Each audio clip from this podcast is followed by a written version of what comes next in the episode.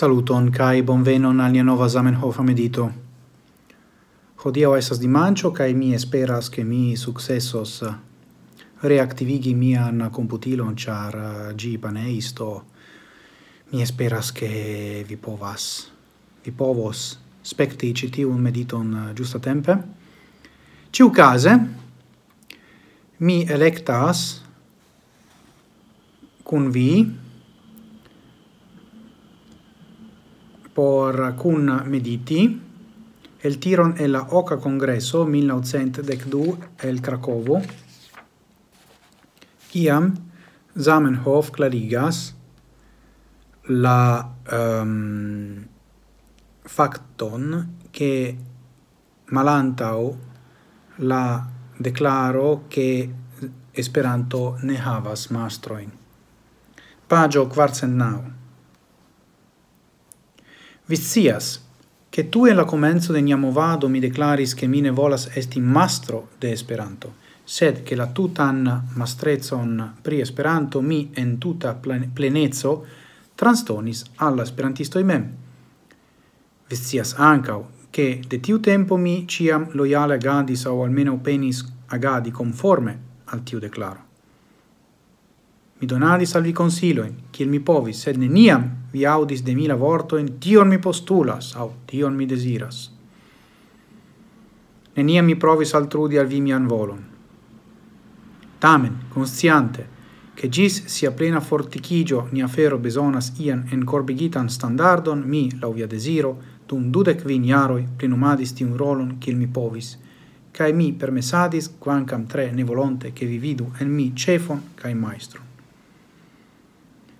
Bone do estas interesse che ec acceptante ne vole la rolon de maestro dum la unua generazio de la lingvo nome dude quin iaroi, Zamenhof neniam acceptis esti mastro de la lingvo. Male al Schleier privola puco exemple. Kai tio estis uh, vere genia, char tio respectis la fundamentan principon de ciui homai lingvoi nome che lingvoi ne appartenas al iu homo. Et se ili estas planita, inventita, artefarita e construita la via bon trovo. Do, quelquefoie, oni povas teni sur si titolon, sed neniam troigi pri gia uso.